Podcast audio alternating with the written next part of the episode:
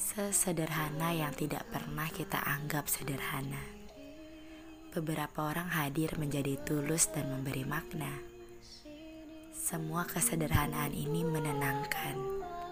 Meskipun sadar bahwa tenang itu bukan obat untuk memperbaiki semua yang sudah terjadi. Tapi aku menyukainya.